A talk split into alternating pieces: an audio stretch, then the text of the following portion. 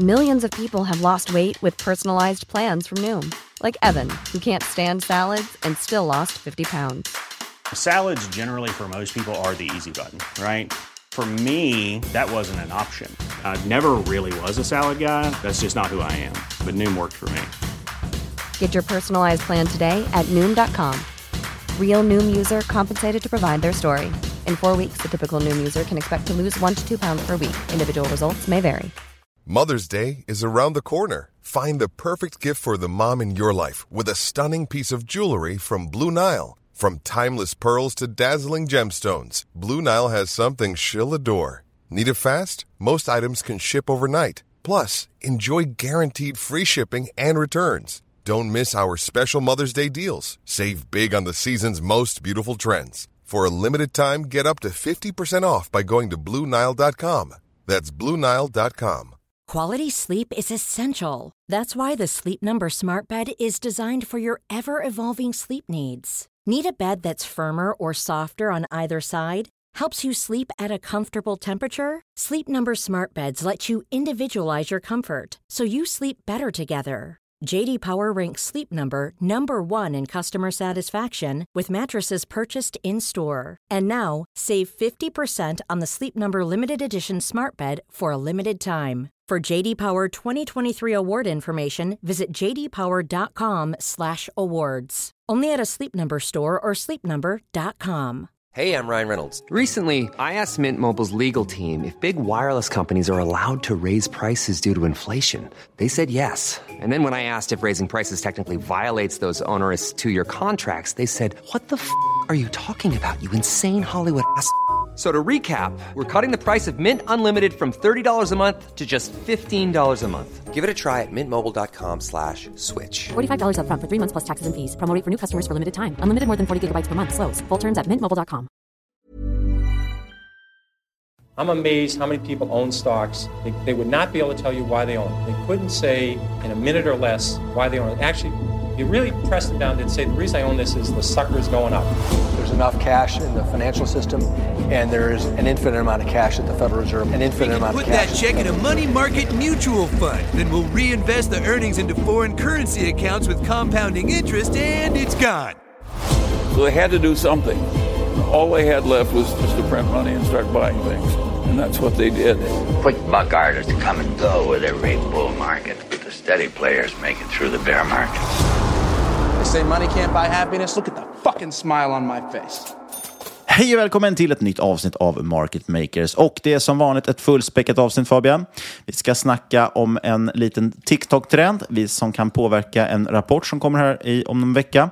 Vi ska prata lite dollar, vi ska prata lite uppföljning förra veckan kopplat till gruvor. Och så blir det ett nytt case här också som jag tror och, och kanske hoppas är lite missförstått. Och eh, ja, att förväntningarna är lite för låga kanske inför kommande rapport. Kul, spännande.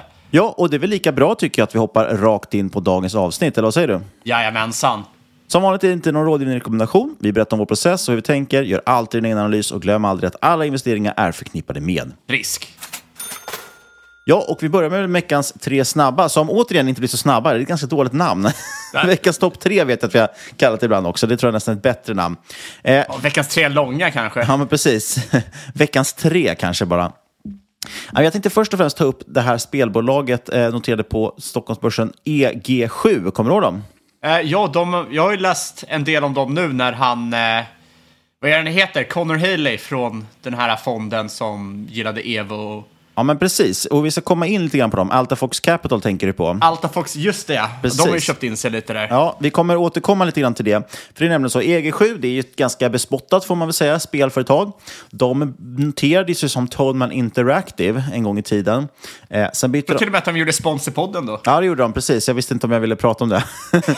eh, EG7 står väl dock för Enad Global 7, vill jag minnas. Och det de gjorde egentligen var att Embracer, de körde sina serieförvärvsstrategin. Liksom, strategin. vart väldigt het varit väldigt hett att serieförvärva, så att säga. Förvärva många bolag. Och eh, Toadman gick ju samma väg och bytte då namn till EG7 ja, och har förvärvat en gäng bolag. Och har väl gått väldigt knackigt för EG7 får man väl ändå säga. Eh, men så händer någonting här nu senaste tiden. Aktien är upp över 100% på tre månader. Vad är det då som har skett egentligen? Jo, de har ju nämligen ett spel som heter My Singing Monsters. Och det här spelet firades, eh, firade tio år faktiskt. eh, nu nyligen. Och tio år för ett eh, gammalt mobilspel, ja det är väl inte någonting som det är väl inte så många som tror att det kanske går, ska liksom få ny tillväxtresa. Jag tror faktiskt inte att spelet har gått jättebra historiskt, men jag, ska, jag kan inte svära på just det det varit. Men det som faktiskt hände då, är att det här spelet helt plötsligt blir viralt på TikTok framför allt. Nu finns det ju också på YouTube och överallt så att säga, men, men framförallt var det TikTok där det liksom började. Eh, man har just nu 1,4 miljoner följare. Nu ska det sägas, det här är lite gamla siffror för sig. Det här är siffror från PM som EG7 själva gav ut. De har säkert ännu fler följare och videor nu. Eh, man hade över 120 miljoner videovisningar, över en miljard omnämnande eh, i form av en hashtag. då. Och jag har ju sett videor även på YouTube och så vidare som är, eh, ja, har också miljontals views. Liksom. Så helt plötsligt från ingenstans har My Singing Monsters blivit helt enormt, blivit superviralt. Det har tagit spelet till topp 10 på applistorna eh, i över 100 länder eh, i, i liksom spelkategorin. Även nått första platsen, det mest populära spelet i mer än 15 länder. Det är ganska galet. Ja, det är det. Eh, och själva spelet då, det är egentligen My Singing Monsters. Man har helt enkelt små sjungande monster, man sitter och spelar banor och då får man lite nya monster som, då som liksom sjunger och spelar. Och det här bygger upp då en låt på varje bana. Och det kan låta lite grann så här.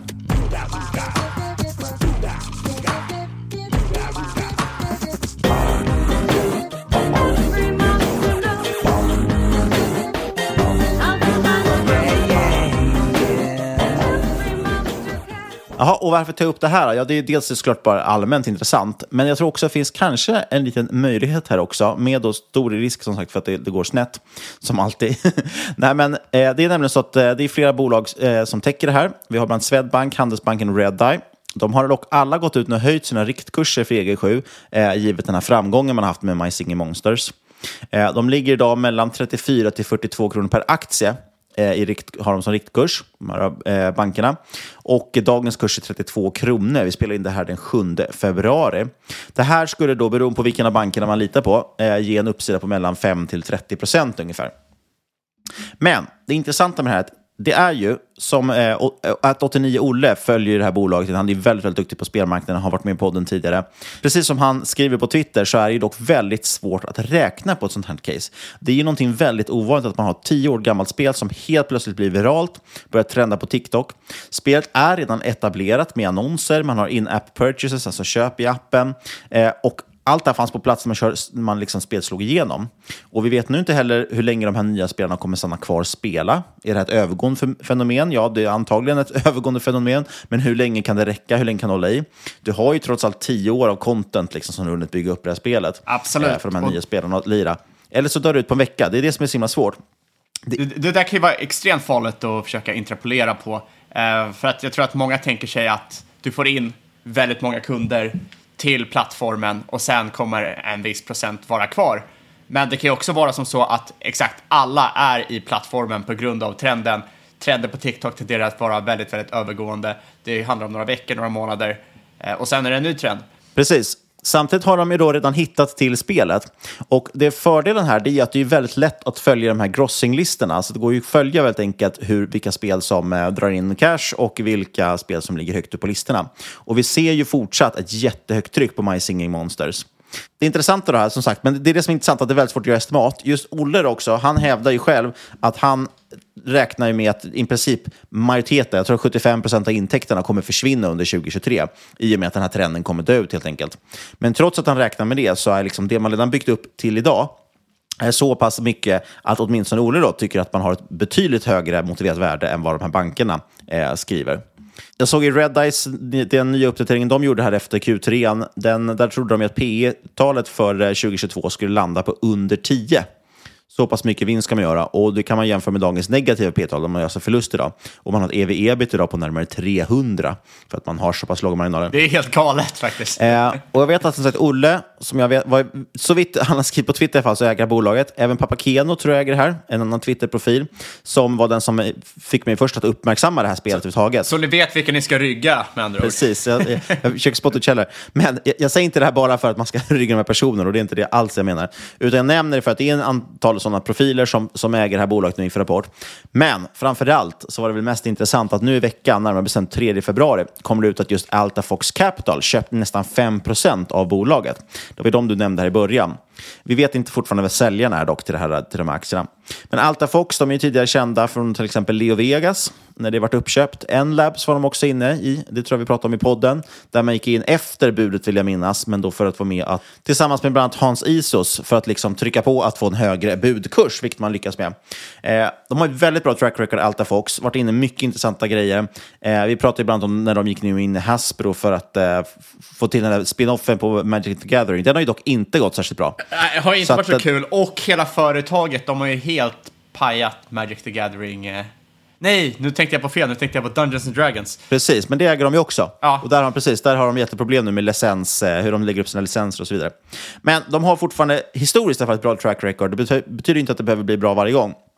Ännu intressant dock att de går in och köper upp 5 av bolaget. Jag tror även det var, apropå Twitterprofiler, Tench Invest som jag gillar också.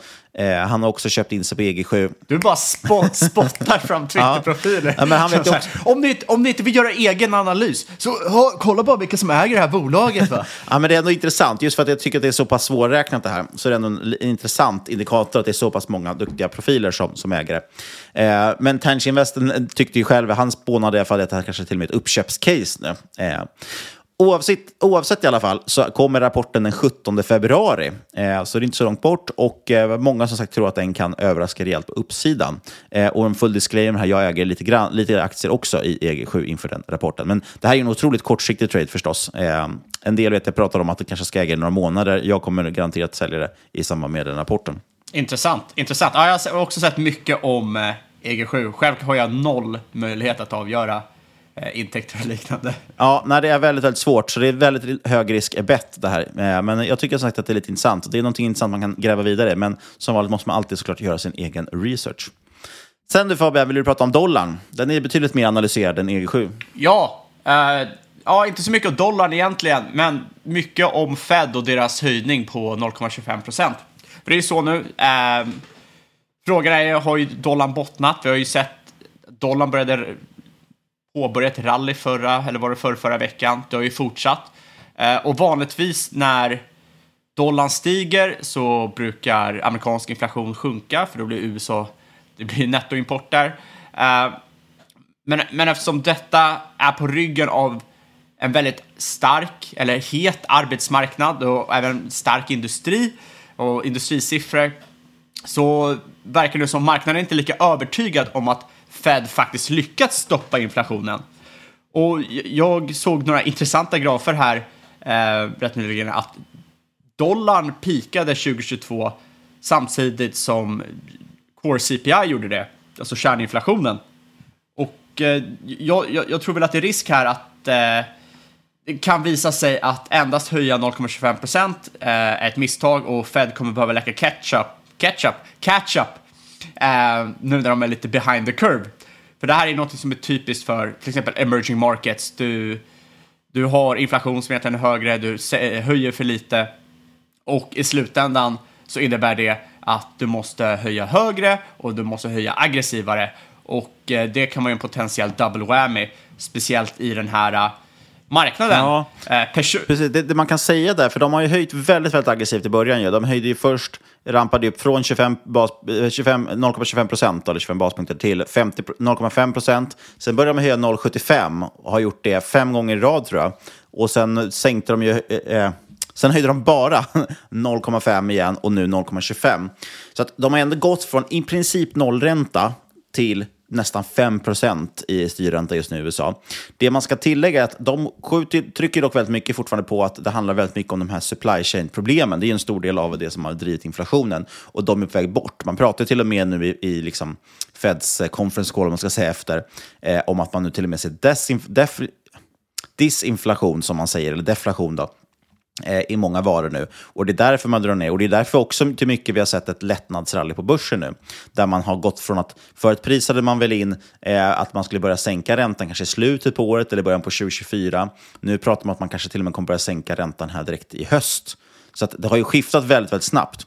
Och det är ju den här, alltså det är en riktig, riktig knäckfråga just nu som vi varit inne på. Du har ju pratat om det att historiskt som man haft kraftig inflation, ja, då kan man snabbt få att den, den, den kommer ner igen, inflationen, när man börjar höja ränta, men så studsar inflationen upp igen och så håller det på sådär fram och tillbaka några år. Ja, och att det också kan bli deflatoriskt. Precis, Eh, under perioder. Vilket är det som är så svårt. Ja, Eh, och, och det är det som är svårt nu, vad, hur det egentligen kommer bli här.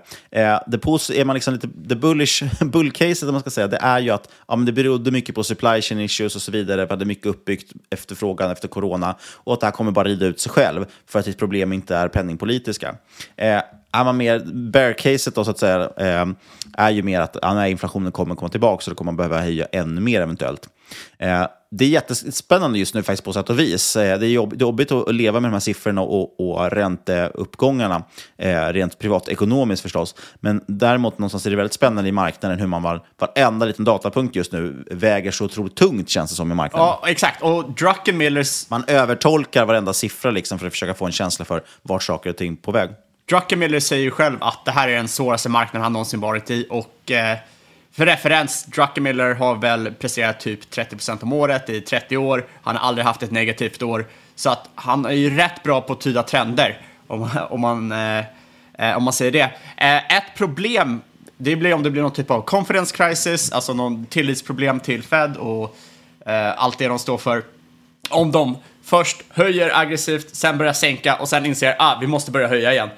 Eh, eller vara mer aggressiva i, i eh, vår tightening. Eh, jag personligen tror det kan vara dags att fejda den här soft landing konsensuset. Eh, jag gör det i alla fall, så det spelar ingen roll om de, ni som lyssnar gör det eller inte. Ehm, för det kan ju vara tokfel. Men jag tycker personligen det känns som bättre ehm, risk-reward härifrån, även om man får fel. Ehm, vad, kan gå fel? Om det blir en soft landing och du tror det blir en hard landing, ja, du missar lite uppsida. Men det känns inte som det låg nedsida.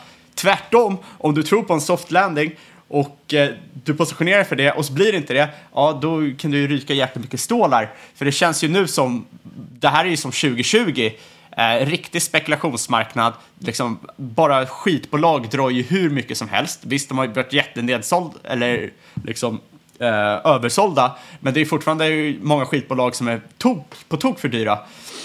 Men skillnaden mot 2020 är att du har ju inte fundamentan bakom. Du har inte massa med centralbanker som sitter och pumpar in likviditet i marknaden eh, som kan bära upp den här typen av spekulationsmarknad. Nej, samtidigt som det i och för sig är mycket som pekar på, vi såg till exempel IMF gick väl ut och ändrade det eh, nu bland annat, att man, man, väldigt mycket pekar ju på att global tillväxt kommer tillbaks nu, alltså att man har, det har bottnat liksom. Så rent fundamentalt har det ju eh, tillväxt framåt, som säger alla prognoser i alla Det är fall. den- det är den som Men är absolut farlig. Inte mer, När har- Och centralbankerna har ju inte mer just nu. nu. Just nu höjer de ju räntorna, men som sagt, man har ju börjat prisa in att de ska börja sänka räntorna tidigare än vad man trodde. Och det är därför, framförallt just de här skitbolagen som du säger, har gått upp. Och med skitbolag menar du ju olönsam tech till exempel. Eh, och de har ju helt plötsligt börjat prisas upp igen eftersom man ja, räknar med lägre ränta framåt. Exakt, men, Deras, pri, deras, deras pris går, styrs helt och hållet av vad räntan är i princip. men, men just det att vi ser en så stark arbetsmarknad och till exempel Kinas öppnande och liknande tyder ju på att inflationen är nog inte över. Och, och det går ju faktiskt att, det går ju att ha tillväxt och inflation. Eh, Sam, samtidigt, liksom som också, samtidigt som också Kinas öppnande gör ju att eh, du får ju helt plötsligt kanske löser den här komponentbristen för att kineserna äntligen är ute och jobbar i fabriken igen, så helt plötsligt faktiskt kommer ut komponent på marknaden. Vi har löst mycket supply chain-problem, vi har hunnit sourca saker hem till närmare, liksom till Europa till exempel, eh, så att det inte blir lika beroende av Kina. Så att helt plötsligt får du också saker som trycker på att, att eh, priserna faktiskt kan gå ner igen, för att det löser mycket problem som funnits också. Så det, det finns en, jag tycker att det är väldigt svårt. Det, det finns två mynt, men som du säger, det kanske är så att det, det är större chans att du inte får en soft landing, så att, så att risk-reward är bättre. Men då är frågan hur man positioneras för det, och då tänk, menar du ju knappast att man går kort, för då kan man ju absolut bränna sig rejält. Men då menar du snarare att man kanske håller kassa Nej, och står jag, jag, utanför. jag har inte gått kort sen... Eh, ja, kanske någon gång som jag inte kommer ihåg, men jag har ju inte liksom, kortat marknaden sedan 2020 i stort sett. Eh, så Nej, men precis. Och då menar du egentligen snarare att man ställer sig vid sidan av och håller kassa. Nej, för och då fan. har, man ju absolut, då har man ju ingen nedsida. det, det tycker jag inte man ska göra. Nähä. Eh, nej, men jag, jag, jag personligen tycker att det är, och som jag pratat om i podden, det är, liksom, det är cykliskt, eh, värde, liksom olika typer av stores of value, guld, commodities. Eh, det tycker jag i alla fall är mycket mer intressant.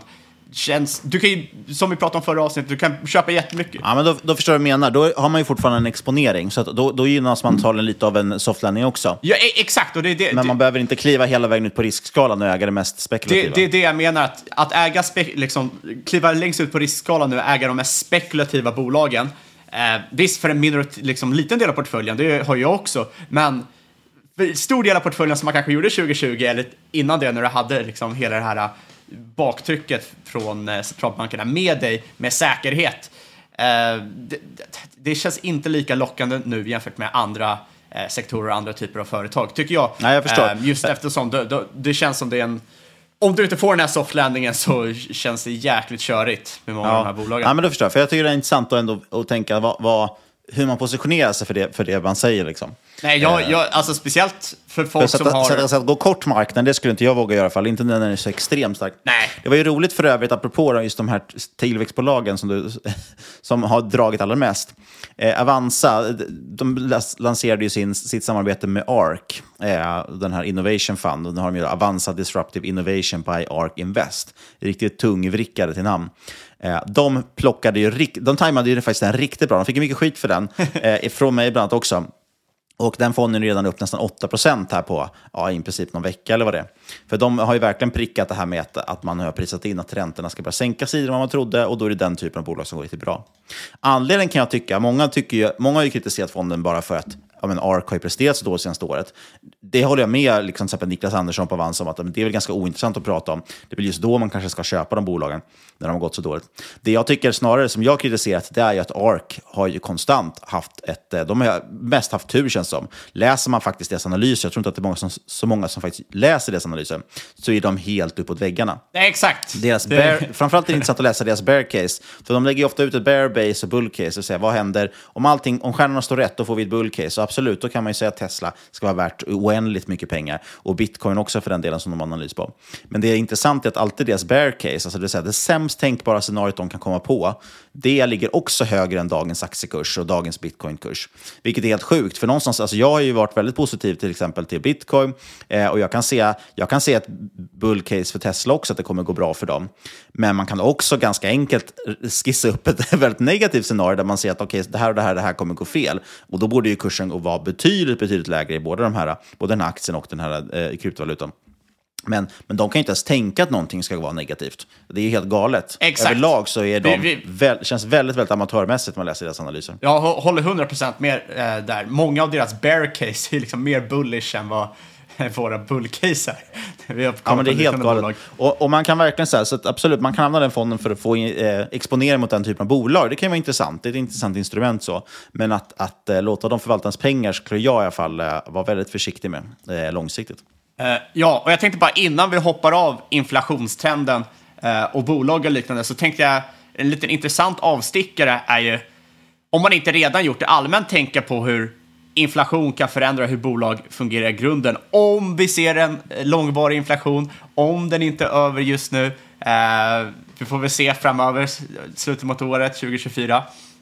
Men e-, ett exempel eh, är ju till exempel att det är oerhört populärt för bolag att vara lina, att de har eh, lite lager och liksom eh, jättefokuserade på att eh, inget lager ska få saker eh, liksom, just in time och liknande. Det som vi har sett som har lett till de här supply chain eh, problemen.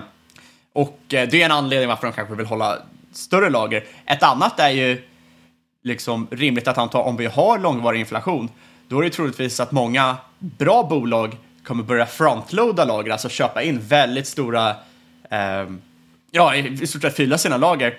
Och det här skulle eventuellt marknaden kunna eh, straffa, tolka som negativt, men det hade ju också gett de här bolagen positiv carry.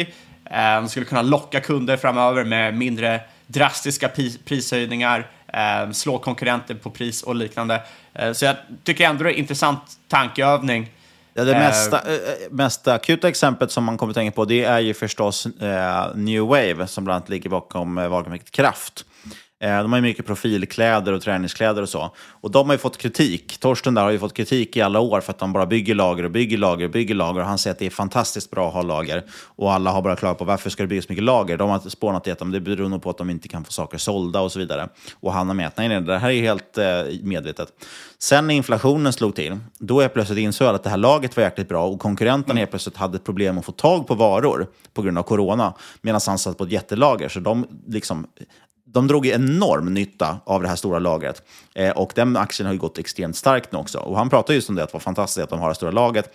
Sen ska det tilläggas, ett bolag som H&M kan ju inte ha lager eftersom de jobbar med mode. Någonstans går det ju trender och saker blir otrendiga. Där är det ju så att en osåld tröja, till slut kommer den tröjan vara värd noll. Den måste reas ut för att den är ointressant eh, hos, av konsumenten. Medan New Wave jobbar ju med vita t-shirts, svarta t-shirts, det är liksom klassiska modeller som du ska trycka tryck på. Eh, de vet ju mycket mer vad deras kunder vill ha och deras kunder är inte så föränderliga heller. Eh, så det är en väldigt skillnad i dynamik där. Men de har absolut nytta av lager och det har ju många andra bolag också. Exakt, och jag kommer ihåg för en herrans massa år sedan när man pluggade universitetet och man läste eh, lite sådana kurser. Och då fanns ju ingenting negativt med att, att ett bolag skulle vara leant i stort sett. Det fanns ju noll risker som man fick lära sig på universitetet. Men eh, verkligheten är ju mer komplex än så. Och eh, jag tror väl att det är må många bolag som kommer ja, börja öka sina lager och eh, har man tur så kommer marknaden tolka det som negativt och då kan man ju potentiellt skopa upp några bolag Eh, lite billigare än vad de borde vara. Ja, men in, in, innan vi går vidare eh, till liksom, huvudgrejen så tänkte jag bara en snabb uppföljning här på förra veckan. Eh, vi nämnde det lite i avsnitten och det är de här demonstrationerna i eh, Peru. Och eh, de fortsätter ju och eh, det som är intressant, man ser ju liksom, saker om det här på Twitter, ser inte så mycket om det i andra media. Som vi nämnde i eh, förra avsnittet är till exempel Peru en av världens största producenter av koppar. Det var en av anledningarna varför det var så svårt att eh, exponera sig mot koppar var ju för att det är många länder där det kanske finns vissa typer av risker. Eh, och det man börjar se nu är ju att de här demonstrationerna i allt större takt börjar påverka diverse gruvor i Peru. Glencore uh, rapporterar bland annat att en av deras gruvor i Peru, uh, den femte största koppargruvan för att vara exakt, har utsatts för diverse räder. man har börjat elda upp baracker där Eh, miners bor och, och liknande. Vilket såklart påverkar deras eh, dagliga verksamhet. Eh, du ser att eh, andra gruvor så eh, har demonstranter börjat blockera så du inte kan komma in och ut, eh, vilket såklart är problematiskt. Du ser eh, många av de här gruvorna dra, har dragit ner sina estimat, har inte kunnat producera ens eh, under 2022 lika mycket som de trodde. Får ut liksom 50, 60, 70 procent av de estimaten. Och Eh, eh, ja, det här är egentligen med gruvor att göra, men protesterna har ju varit väldigt grova. Du är ju till och med tvungen att evakuera turister från Machu Picchu i slutet på förra året, vilket är, liksom, det är rätt extremt om man tänker på det. Eh, det är som om du skulle inte, evakuera turister från Big Ben här i London. eller vad nu motsvarigheten skulle vara, liksom den största turistattraktionen. Ehm, det, men det som är intressant här att tänka på är hur länge kan de här eh, gruvorna fortsätta att vara verksamma när det finns diverse roadblocks och demonstranter som försöker sätta stopp i verksamheten eh, innan liksom, verksamheten helt upphör och hur påverkar det liksom, marknadsdynamiken? Som, som sagt, Peru är ju en av de största producenterna av koppar. De är även eh, näst största producenten av silver efter Kina. Eh, kan de inte producera, då minskar ju såklart liksom, den, den fysiska eh, outputen av de här eh, råvarorna. Och det är inelastiska varor. Vi ser redan den här äh, supply-demand mismatchen, minskade inventory. Där du har behov i allt från industrin, elektrifiering, eh, silver, förutom använda industri, vill ju också ha som stora value. Eh, och dessutom är de redan liksom, rätt billiga. Så jag tror att det här är egentligen ett rätt intressant upplägg för de här äh, råvarorna så, så, som redan ser rätt intressanta ut i samband med eventuellt om du ser den här äh, reflationen då, då som vi alldeles nyss pratade om där du gynnas av att äga råvaror. Äh, kan, kan bli ett intressant upplägg i år. Vi får se om det är något, något som spelar ut eller om det är bara något som går helt över.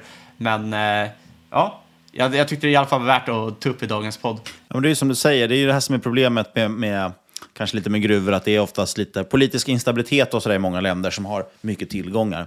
Så det är intressant att hålla koll på. Exakt. Denna vecka sponsras Market Makers av NordVPN. Den smidiga och säkra lösningen för dig som till exempel vill använda en VPN för att spana in streamingtjänster i andra länder eller kolla på ditt favoritinnehåll även när du är på resande fot. Och du kan alltså få din trafik krypterad och enkelt spana in till exempel Netflix i eh, Storbritannien, USA eller vilket land du nu föredrar att kika ifrån. Du låtsas ju liksom att du är från det land kan man säga med NordVPN. Och dessutom skyddar NordVPN din dator, den virussöker nedladdningar med mera, med mera. Så slå igång det här direkt och känn dig trygg.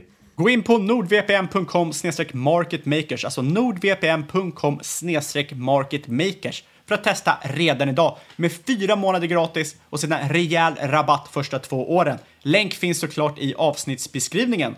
Dessutom har man 30 dagars pengarna tillbaka-garanti. Så skulle du inte vara nöjd får du helt enkelt tillbaka pengar. Så det finns egentligen ingen anledning att tveka till det här. Vi säger stort tack till NordVPN. Ja, då hoppar vi in på dagens huvudcase här och det är bolaget Ferroamp som jag tänkte prata om faktiskt idag. Och jag ska bara först skicka in en stor brasklapp här. Vi fick ju en del eh, eh, kommentarer till oss efter avsnittet med Energy Save där vi pratade mycket värmepumpar. Eh, och jag jobbar ju inte med värmepumpar så att eh, det varit säkert en del felsägningar. Eh, ingenting som var fel i sak som jag, vad jag vet, men, men man kanske uttrycker sig ibland lite klumpigt eh, när man använder tekniska uttryck. Så jag skickar bara in en brasklapp att jag kommer absolut säga massa fel idag. Framförallt när vi pratar om el så är det väldigt mycket sådär med effekt, el, eh, styrka, kapacitet och så vidare. Många sådana ord som säkert kommer blandas runt friskt. Vad fan, du pluggar ju teknisk fysik. Borde inte du ha koll på det?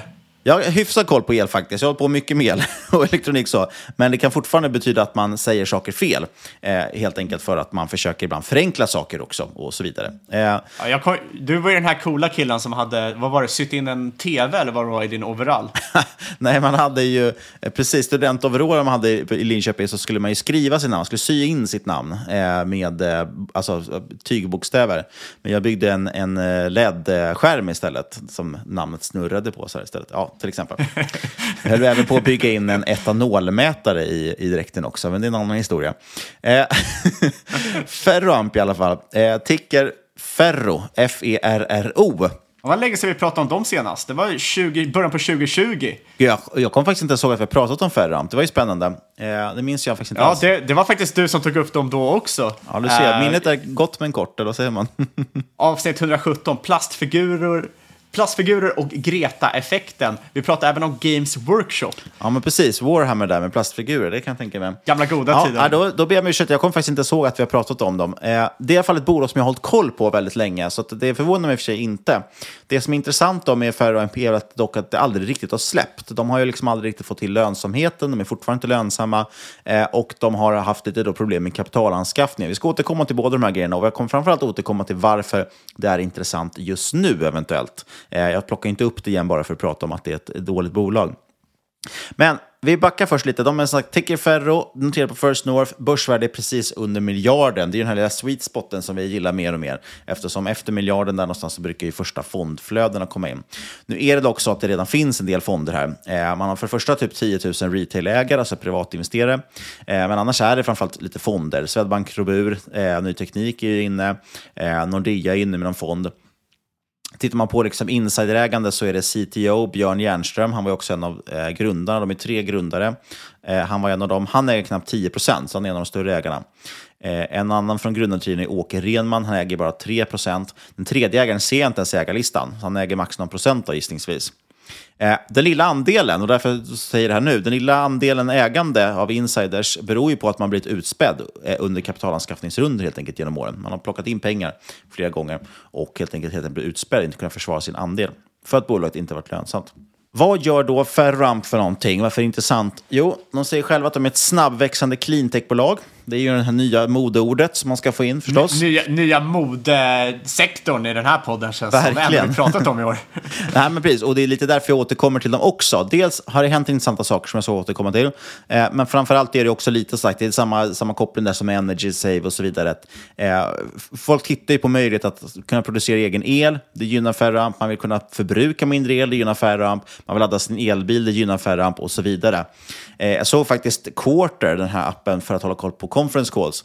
Eh, de la ut på en tråd här precis innan vi gick in och spelade in där de hade sökt igenom sina conference calls. Man kan söka på text där, vilket är väldigt coolt. Eh, sökte då igenom eh, jakt på starka tillväxtmarknader. Och då rapporterar de bland annat att just elbilsladdningsinfrastruktur förväntas ju växa drygt 30% per år kommande här, ja, sju år då, fram till 2030. Och även batteri, eh, batterilag och energilagringsinstallationer ska också växa över 30% per år fram till 2030. Två trender som gynnar bland annat Ferroamp väldigt, väldigt mycket. Vad gör de då för någonting? Nu, nu börjar det bli en riktig cliffhanger här. Vad är det egentligen de gör för någonting? Varför kommer de gynnas som trenderna? Jo, de har en unik och patenterad lösning för att hantera de effekt och kapacitetsproblem vi ser framåt i nätet i takt med en ökad elektrifiering. Det här sa vdn för två år sedan. Och man kan ju minst sagt säga att vi har absolut effekt och kapacitetsproblem idag och vi har en ökad elektrifiering. Två saker som inte helst ska gå hand i hand. Men egentligen är det liksom att man har framförallt eh, eh, huvudprodukten i den här Energy Hub som heter, som är ändå en smart växelriktare som också utgör hjärnan i ett intelligent elsystem. Eh, och man kan väl säga så här då att eh, nu kommer jag som sagt då slänga mig säkert med en del felaktiga termer här, men eh, i ett hus till exempel, om vi tar som exempel, då har man ju tre faser in och så har man då en huvudsäkring och du vill ju inte att den här huvudsäkringen ska lösa ut. Vad händer om du stoppar in en elbil i den här ekvationen? Du vill kunna ladda din elbil och du vill kunna ladda den snabbt också, alltså med hög effekt. Då sätter det stor press på den här huvudsäkringen. Och vill man då öka huvudsäkringen så kostar det väldigt mycket pengar.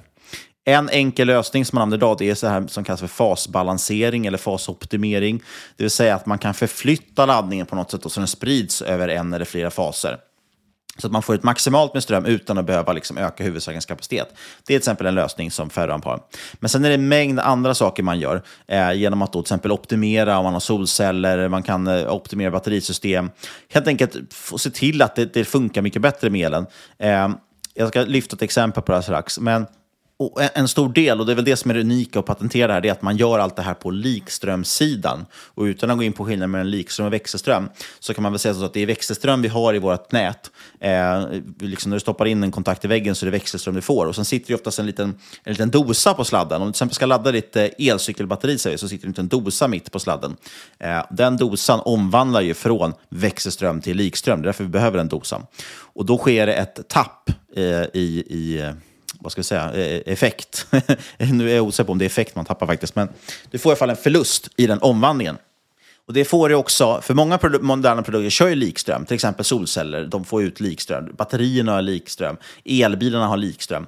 Och i ett normalt hem, om du bara kopplar på solceller på ett normalt hem, du kopplar på en elbilsladdare, då sker massvis med omvandlingar överallt som helt enkelt gör att du tappar massa effekt. Eh, och det här då löser till exempel Ferrom genom att göra allt allting de gör på likströmssidan. Så att strömmen som kommer in i eh, solcellerna kan gå direkt ut till elbilen eller batterier utan att göra någon omvandling på vägen. Till exempel.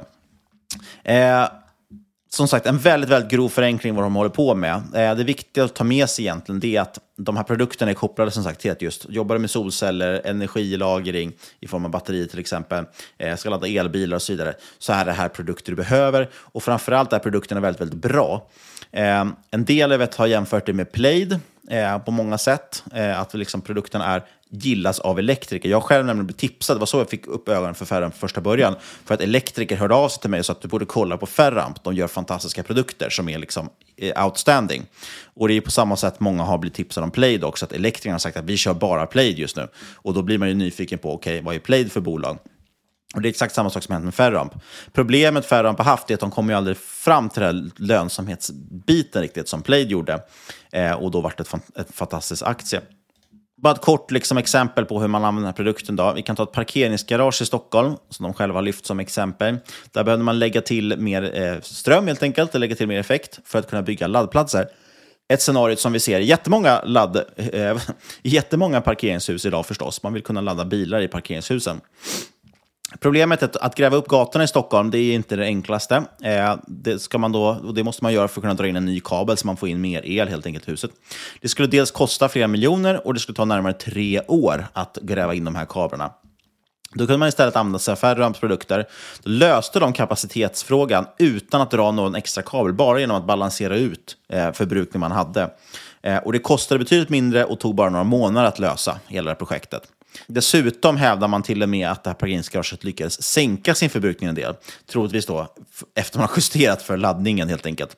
Eh, för att man fick bättre översikt över sin förbrukning. Så hur kommer det sig att de inte nått lönsamheten? Är det helt enkelt för att de inte har tillräckligt hög volym? Eh, Eller är det att input kostar för mycket? Det beror på en, egentligen en mängd saker. Ju. Eh, dels som du säger att man har liksom inte nått rätt volymen. Man pratar själva om att man vill gå från en startup till en grow-up. Man ska bli ett globalt volymföretag.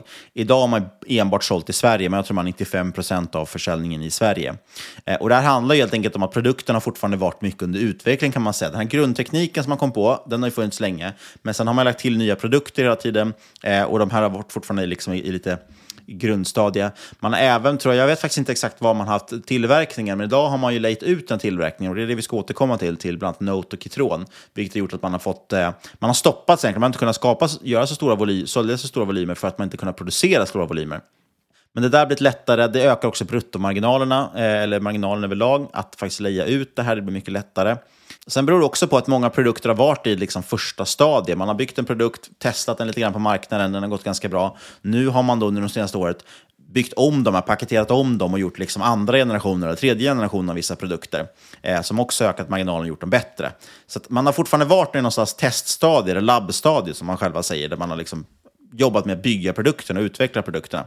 Eh, så förhoppningen är att man ska få upp volymen och produkterna ska ha högre marginaler. Och det har vi också sett tydligt att man har fått eh, ökade bruttomarginaler också. Eh, men framförallt skulle jag gissa på att det är en volymfråga. Säljer man bara tillräckligt mycket så blir man lönsamma. Det är min gissning.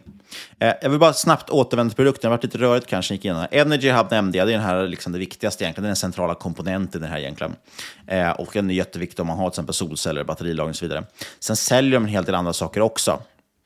De har dels ett modulärt batterisystem, de har sådana här solsträngsoptimerare som det heter, som jag knappt vet vad det är för någonting, men det är kopplat till sol, solpanelerna helt enkelt. eh, sen har de något riktigt coolt som heter Energy Cloud också. Och det är helt enkelt en, en webbportal för att övervaka en systems drift och prestanda. Och här får man in massa data också.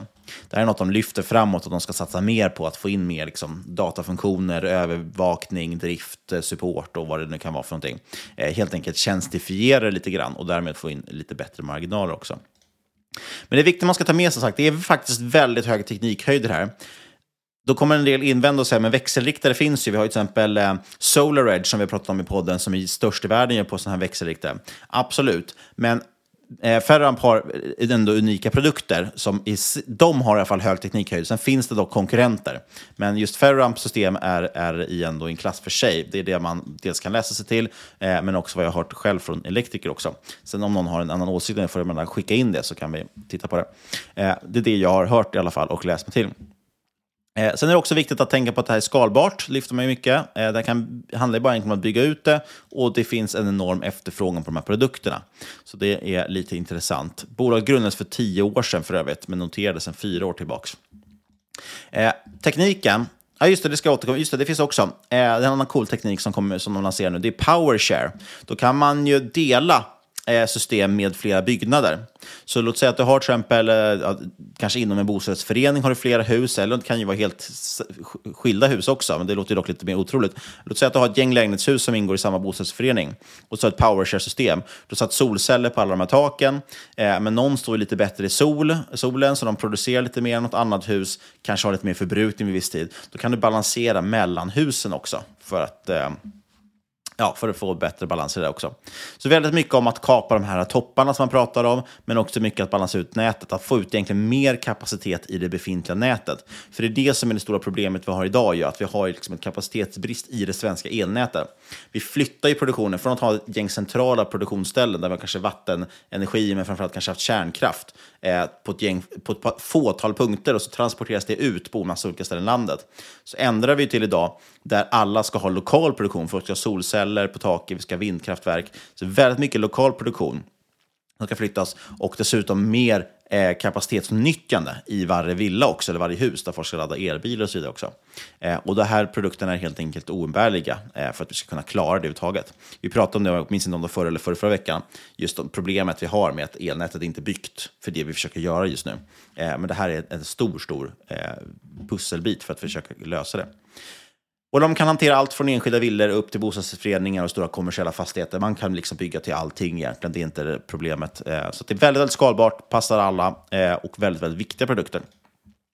Eh, just nu dock såklart så rider de väldigt hårt på den här solcellstrenden, elbilsladdning och så vidare. Så att man har verkligen liksom trenden i ryggen och det är väl det som är spännande. Och då kan man nämna här, vi kan hoppa lite snabbt till några finansiella mål man har satt upp och lite vad som finns, eh, Eh, vad man tror om omsättningen framåt. Eh, för två år sedan eh, så hade man finansiella mål om att nu 2022, som man rapporterar nu Q4 för snart, så skulle man nå 400 miljoner kronor i omsättning. Eh, man är inte i närheten. Idag omsätter man 164 miljoner på rullande 12. Så att man är långt, långt ifrån att nå de här 400 miljonerna. Så att resan har tagit mycket längre tid än man trott. Och det är väl det som är återigen det här problemet, att man kommer aldrig riktigt fram i det här bolaget. Eh, förhoppningsvis kanske det vänder nu. Eh, man sa också att man skulle ha 40% bruttomarginal. Idag är bruttomarginalen närmare 50% så man är klart över det målet redan. Skulle man nå 400 miljoner för 2023, eh, eller förlåt, för, för 2022, skulle man nå 400 miljoner då skulle PS vara eh, runt 2 år ungefär. Eh, intressant är, det är Analysguiden, eh, alltså Aktiespararna och även Affärsvärlden, vår sponsor, som, som följer det här bolaget, vad jag har sett. Analysguiden de skrev den 14 november om att de räknar med ja, knappt 200 miljoner om, i omsättning för 2022, alltså hälften av det här målet man hade. De räknar 325 miljoner för 2023.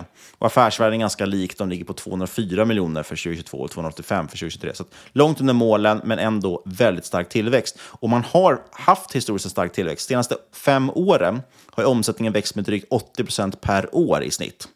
Tråkiga dock, man måste justera för utspädning för att man haft så pass mycket kapitalanskaffningsrunder. Såklart. Då blir Kagger istället 50% för omsättning per aktie. Eh, Det är också en knäckfråga där, det här med finansiering som jag återkommer till. Under årets första tre kvartal har nettoomsättningen ökat med 61 procent, säger man i Q3. September starkaste månad historiskt. Så det växer ju väldigt, väldigt snabbt. Så det är det som är frågan, när når man över den här intressanta gränsen? Eh, analysguiden, de tror ju på lönsamhet först 2024. Affärsvärde, affärsvärlden har inte skissat på lönsamhet alls. Så de tror inte på det de kommande tre åren, att man kommer nå lönsamhet. På sikt skulle jag kunna tänka mig, när man väl når lönsamhet, då borde vinstmarginalen kanske landa på 5-10 procent, snarare 10 än 5 kanske. Eh, lite beroende på då. Skulle man få 5 procent tillväxt idag, med de här 200 miljonerna i omsättning för 2022, eh, då har man P 94. Har man 10 procent vinstmarginal, då blir P knappt 50 då. Eh, på nästa år så skulle man få P 60 eller P 30 beroende på vilken vinstmarginal man har. Så det här är ganska dyrt. Det bygger väldigt mycket på att man ska växa snabbt och förhoppningsvis börja nå lönsamhet snart. Och då kommer vi till poängen varför här är det intressant just nu då. För ju hittills låter det, du blir inte jättesugen va Fabian? Det låter inte så intressant annat än att produkterna verkar ju vara väldigt bra. Pro- produkten låter jättebra. Eh, det, ja, det, Men själva aktiecaset håller ju inte. Har, har, har inte sålt mig 100% än. Nej, och nu kommer det intressanta då. Affärsvärlden, de satte köp på den aktien den 10 september. Då skrev de att de tycker det påminner just om ett några år yngre Plaid. Eh, dock sa de ju att Plaid har kommit mycket längre, visat lönsamhet eh, och så vidare. Den aktien värderas betydligt högre. Eh, då sa de att om vi bara tar ah, liksom, halva multipeln som Plaid har för Ferroamp, eh, det vill säga att man ska värdera till 3,5 gånger försäljningen, då fanns det en uppsida på drygt 30 procent i aktien, sa de. Två månader senare, efter Q3 har släppts av bolaget, då kommer en ny artikel från Affärsvärlden där man slopar köprådet. Och då nämner man dels att eh, omsättningen minskade från, Q, eh, från Q2 till Q3. Det är lite konstigt. Eh, och det har man inte riktigt bemött, tycker jag, varför det gjorde det.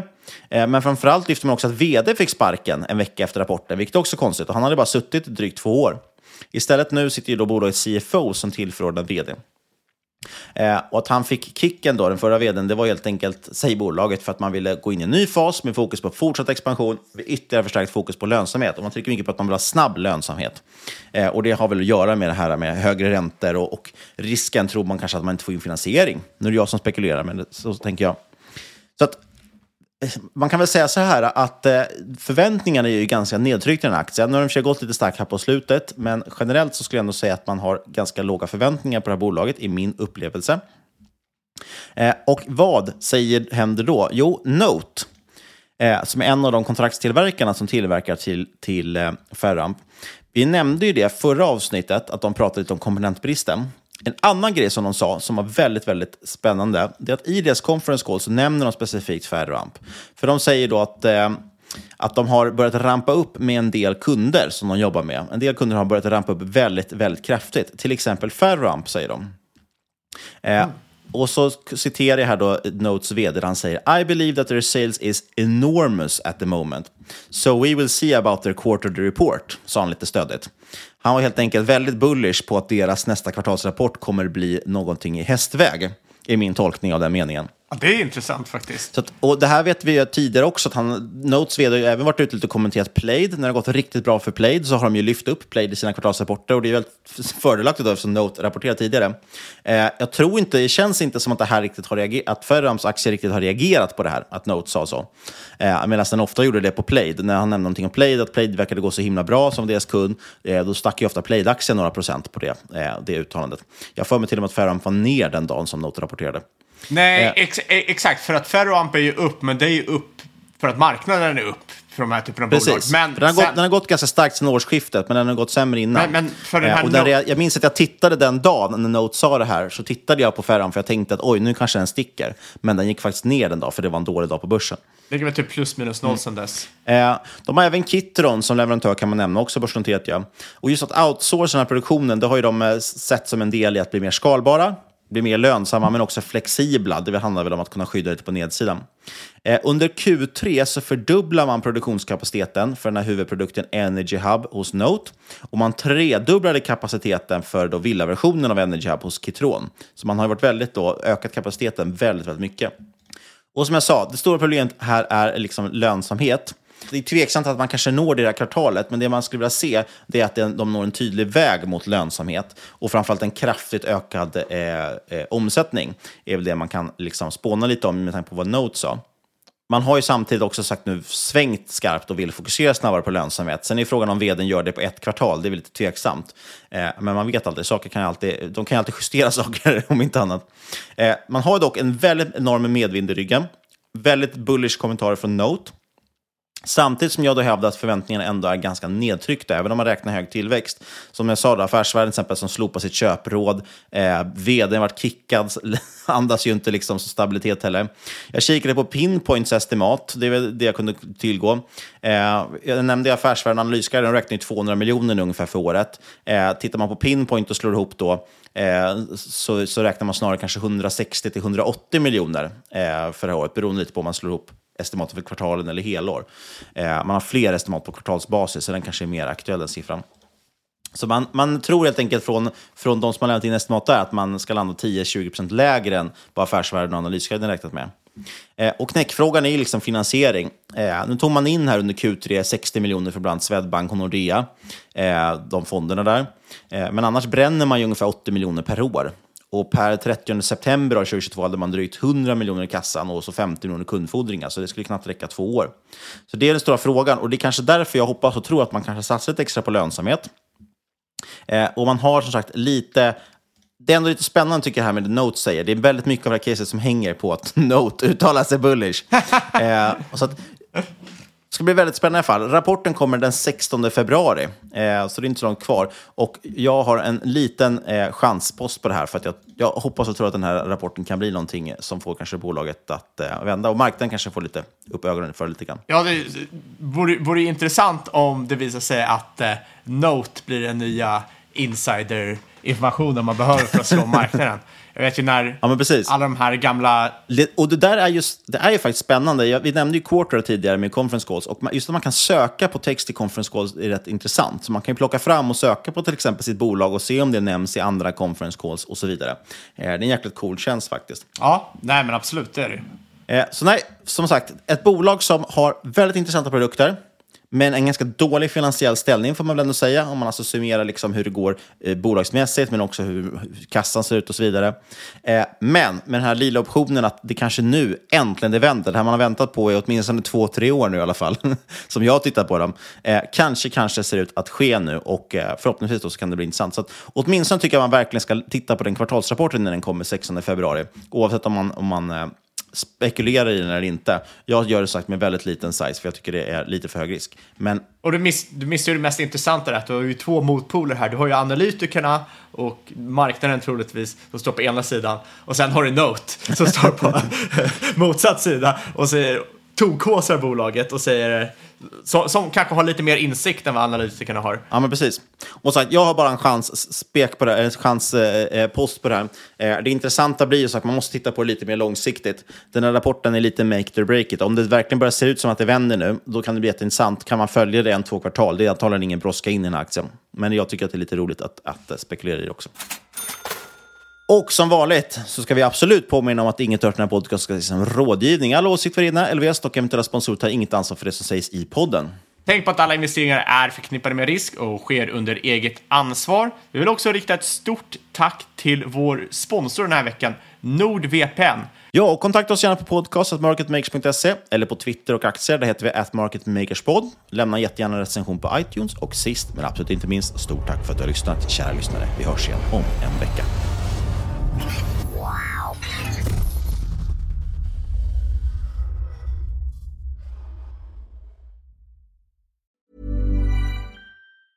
Mom deserves the best, and there's no better place to shop for Mother's Day than Whole Foods Market. They're your destination for unbeatable savings, from premium gifts to show-stopping flowers and irresistible desserts. Start by saving 33% with Prime on all body care and candles. Then get a 15-stem bunch of tulips for just $9.99 each with Prime. Round out Mom's menu with festive rosé, irresistible berry chantilly cake, and more special treats. Come celebrate Mother's Day at Whole Foods Market.